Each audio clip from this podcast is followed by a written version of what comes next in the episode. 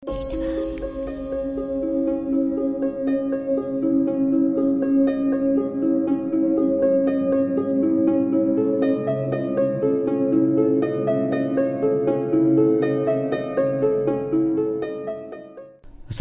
warahmatullahi wabarakatuh. Salam sejahtera untuk kita semua.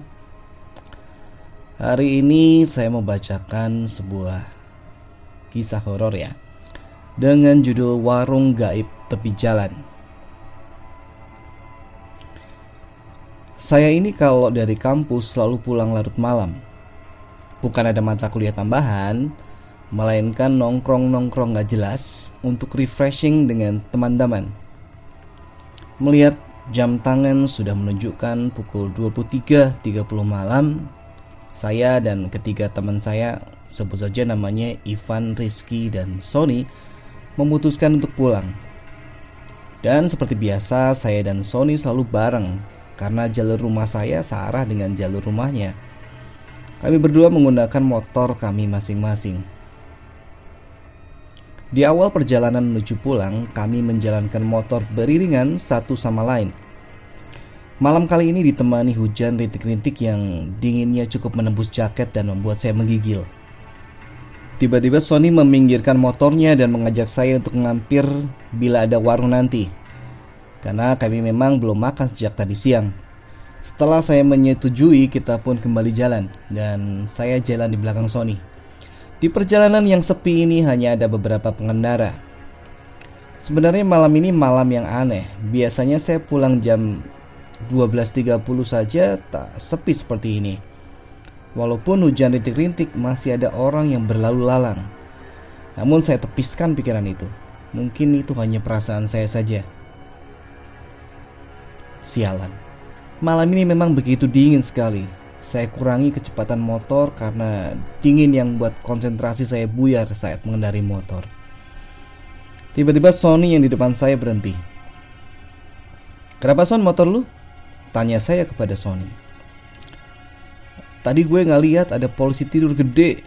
Gue antem aja. Makanya gue berhenti untuk ngecek takut kenapa-kenapa nih motor. Jawab Sony. Polisi tidur?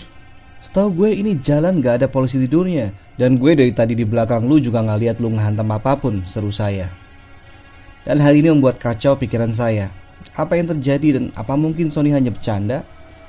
Sony gak mungkin bercanda karena setahu saya dia itu orangnya kalem dan untuk bercanda pun jarang sekali. Setelah Sony mengecek motornya, kita kembali berjalan. Saya melihat-lihat sekitar, ternyata hanya saya dan Sony saja yang berada di jalan malam itu. Dan itu membuat saya heran dan penasaran. Tak lama dari kejauhan samar-samar lampu 5 watt dan begitu semakin dekat itu ternyata sebuah warung. Warung itu tepat di sebelah kiri sebuah baleho atau papan iklan besar yang masih kosong. Belum ada iklan yang terpampang. Akhirnya Sony dan saya berhenti dan mampir ke warung tersebut. Pas saya turun dari motor, tiba-tiba saya tersandung papan kilometer yang tingginya selutut dan cukup membuat kaki saya sakit ya sudahlah, faktor dingin dan sedikit kecapean buat saya nggak melihat adanya papan kilometer itu. Kayaknya berdua masuk ke warung tersebut, tersedia bangku dan meja, kami pun duduk. Setelah kami duduk, keluarlah seorang ibu-ibu dan seorang bapak. Sepertinya mereka suami istri eh, dan menyapa dengan ramah dan tersenyum. Pesan apa mas? Tanya ibu warung itu sambil tersenyum. Pesan kopi dua bu, kalau ada makanan ringan seperti roti juga pesan dua ya bu. Jawab Sony. Ibu itu pun tersenyum dan kembali masuk ke warung untuk membuatkan kopi. Sambil menunggu saya pun iseng-iseng bertanya kepada suami si ibu warung. Warungnya buka 24 jam pak? Tanya saya. Iya mas. Saya bergantian dengan istri saya jawab bapak itu. Malam ini dingin sekali pak dan jalan begitu sepi ujar saya. Dan bapak itu hanya tersenyum kepadaku. Ini mas kopinya sama rotinya ujar ibu warung sambil menyuguhkan kopi dan roti yang kami pesan. Oh iya terima kasih ya bu jawab Sony. Saya buatkan tahu isi juga dingin-dingin begini enak loh mas untuk isi perut mas-mas ini. Masih hangat loh mas ujar ibu warung. Iya bu terima kasih jawab saya. Lagi-lagi ibu itu tersenyum kembali kepada saya dan Sony. Nah, lalu saya mengambil tahu isi itu. Kebetulan saya sangatlah lapar karena menerjang dinginnya malam ditambah rintik hujan. Setelah saya makan ternyata enak juga tahu isi ini. Begitupun dengan sambalnya. Sampai-sampai saya dan Sony habiskan tanpa tersisa. Seperti biasa, sehabis makan saya bakar sebatang rokok sambil menyeruput kopi hitam hangat. Berapa saat kemudian semua tadi berapa bu? Kopi dua, roti dua, dan tahu isi kita berdua habiskan. Ujar Sony sambil tertawa. Semuanya 20 ribu mas Jawab ibu warung sambil tersenyum. Setelah kami membayarnya kami pun segera melanjutkan perjalanan pulang. Saat saya menuju motor lagi-lagi saya tersandung papan kilometer. Oke, kali ini saya benar-benar meleng Penasaran dengan papan kilometer yang membuat kaki saya tersandung, saya pun melihatnya. Di sana tertulis KM12. Setelah rasa penasaran saya hilang, akhirnya kami pun memulai perjalanan pulang. Jalanan masih tambah sepi, hujan rintik-rintik sepertinya tak mau berhenti juga. Di pertigaan jalan, Sony pun belok kiri karena kali ini saya sudah gak sejalur lagi dengan dia dan rumah saya masih agak jauh sedikit. Anehnya, di jalan yang menuju ke rumah saya tidak sepi seperti tadi. Ada beberapa kendaraan yang lalu lalang. Sialan, malam ini sangat aneh. Mungkin karena gue kelelahan gumam saya. Sesampainya di rumah, saya sholat isya dan membersihkan diri. Mata pun belum mau menutup alias belum mengantuk. Saya pun mendengarkan lagu, tiba-tiba HP saya berdering. Ada panggilan masuk, ternyata itu Sony. Tadi lu ngerasa aneh nggak selama perjalanan pulang, Dit? Tanya Sony melalui telepon. Iya sih, jawab saya. Kirain gue doang, Dit. Motor gue pasti cek di rumah ternyata nggak ada yang rusak.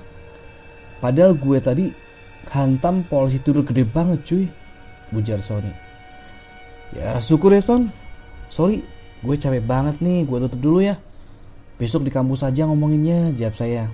Oh, Oke oke dit, ujar Sony.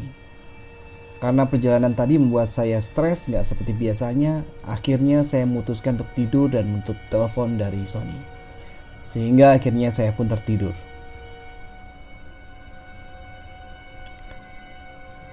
Seperti biasa, alarm HP saya pukul 5 pagi berdering untuk membangunkan sholat subuh. Mata terasa berat untuk melek. Namun betapa kagetnya saya karena terlihat samar-samar bapak dan ibu warung itu sekarang berada di sudut kamar saya dengan muka pucat dan tanpa ekspresi. Sepertinya saya antara sadar dan tidak atau hanya berhalusinasi saja. Sialan, apaan lagi ini? Saya pun tertidur kembali dan melewatkan sholat subuh. Pagi pun menjelang, jam menunjukkan pukul 7 pagi. Saya pun bergegas untuk berangkat ke kampus. Saya berencana melewati jalan semalam dan melihat apa benar ada warung di situ. Teringat ada papan iklan besar dan papan kilometer 12 di sana. Akhirnya saya sampai di jalan yang kemarin saya lewati. Dan ternyata jalan ini tidak sesepi malam hari. Dari kejauhan terlihat papan iklan besar. Setelah saya dekati, di sana juga terdapat papan kilometer bertuliskan KM12 yang buat saya tersandung semalam. Ya, tidak salah lagi. Ini tempat saya dan Sony semalam mampir ke sebuah warung.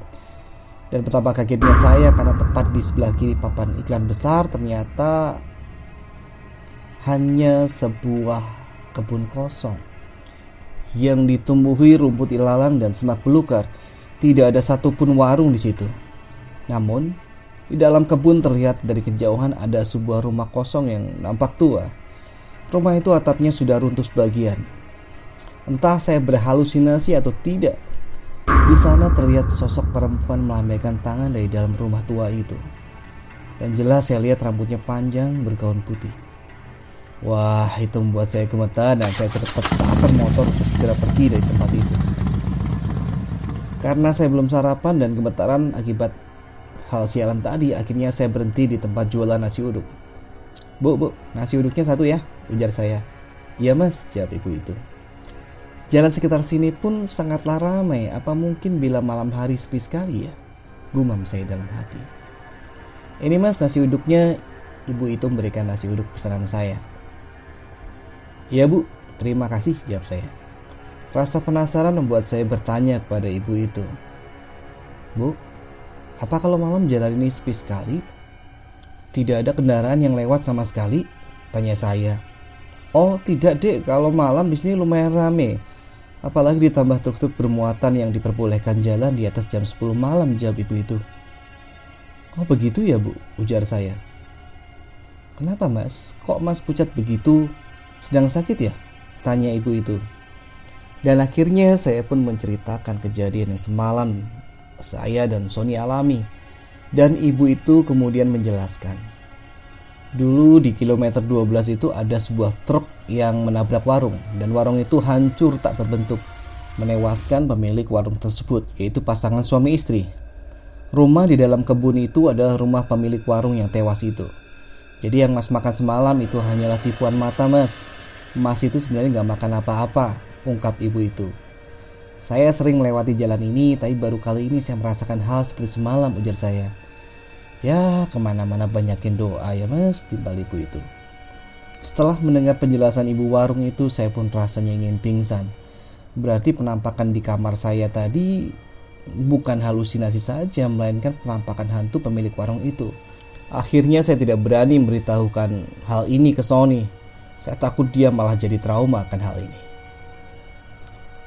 Oke, sekian kisah horor untuk hari ini. Sampai ketemu di kisah-kisah berikutnya.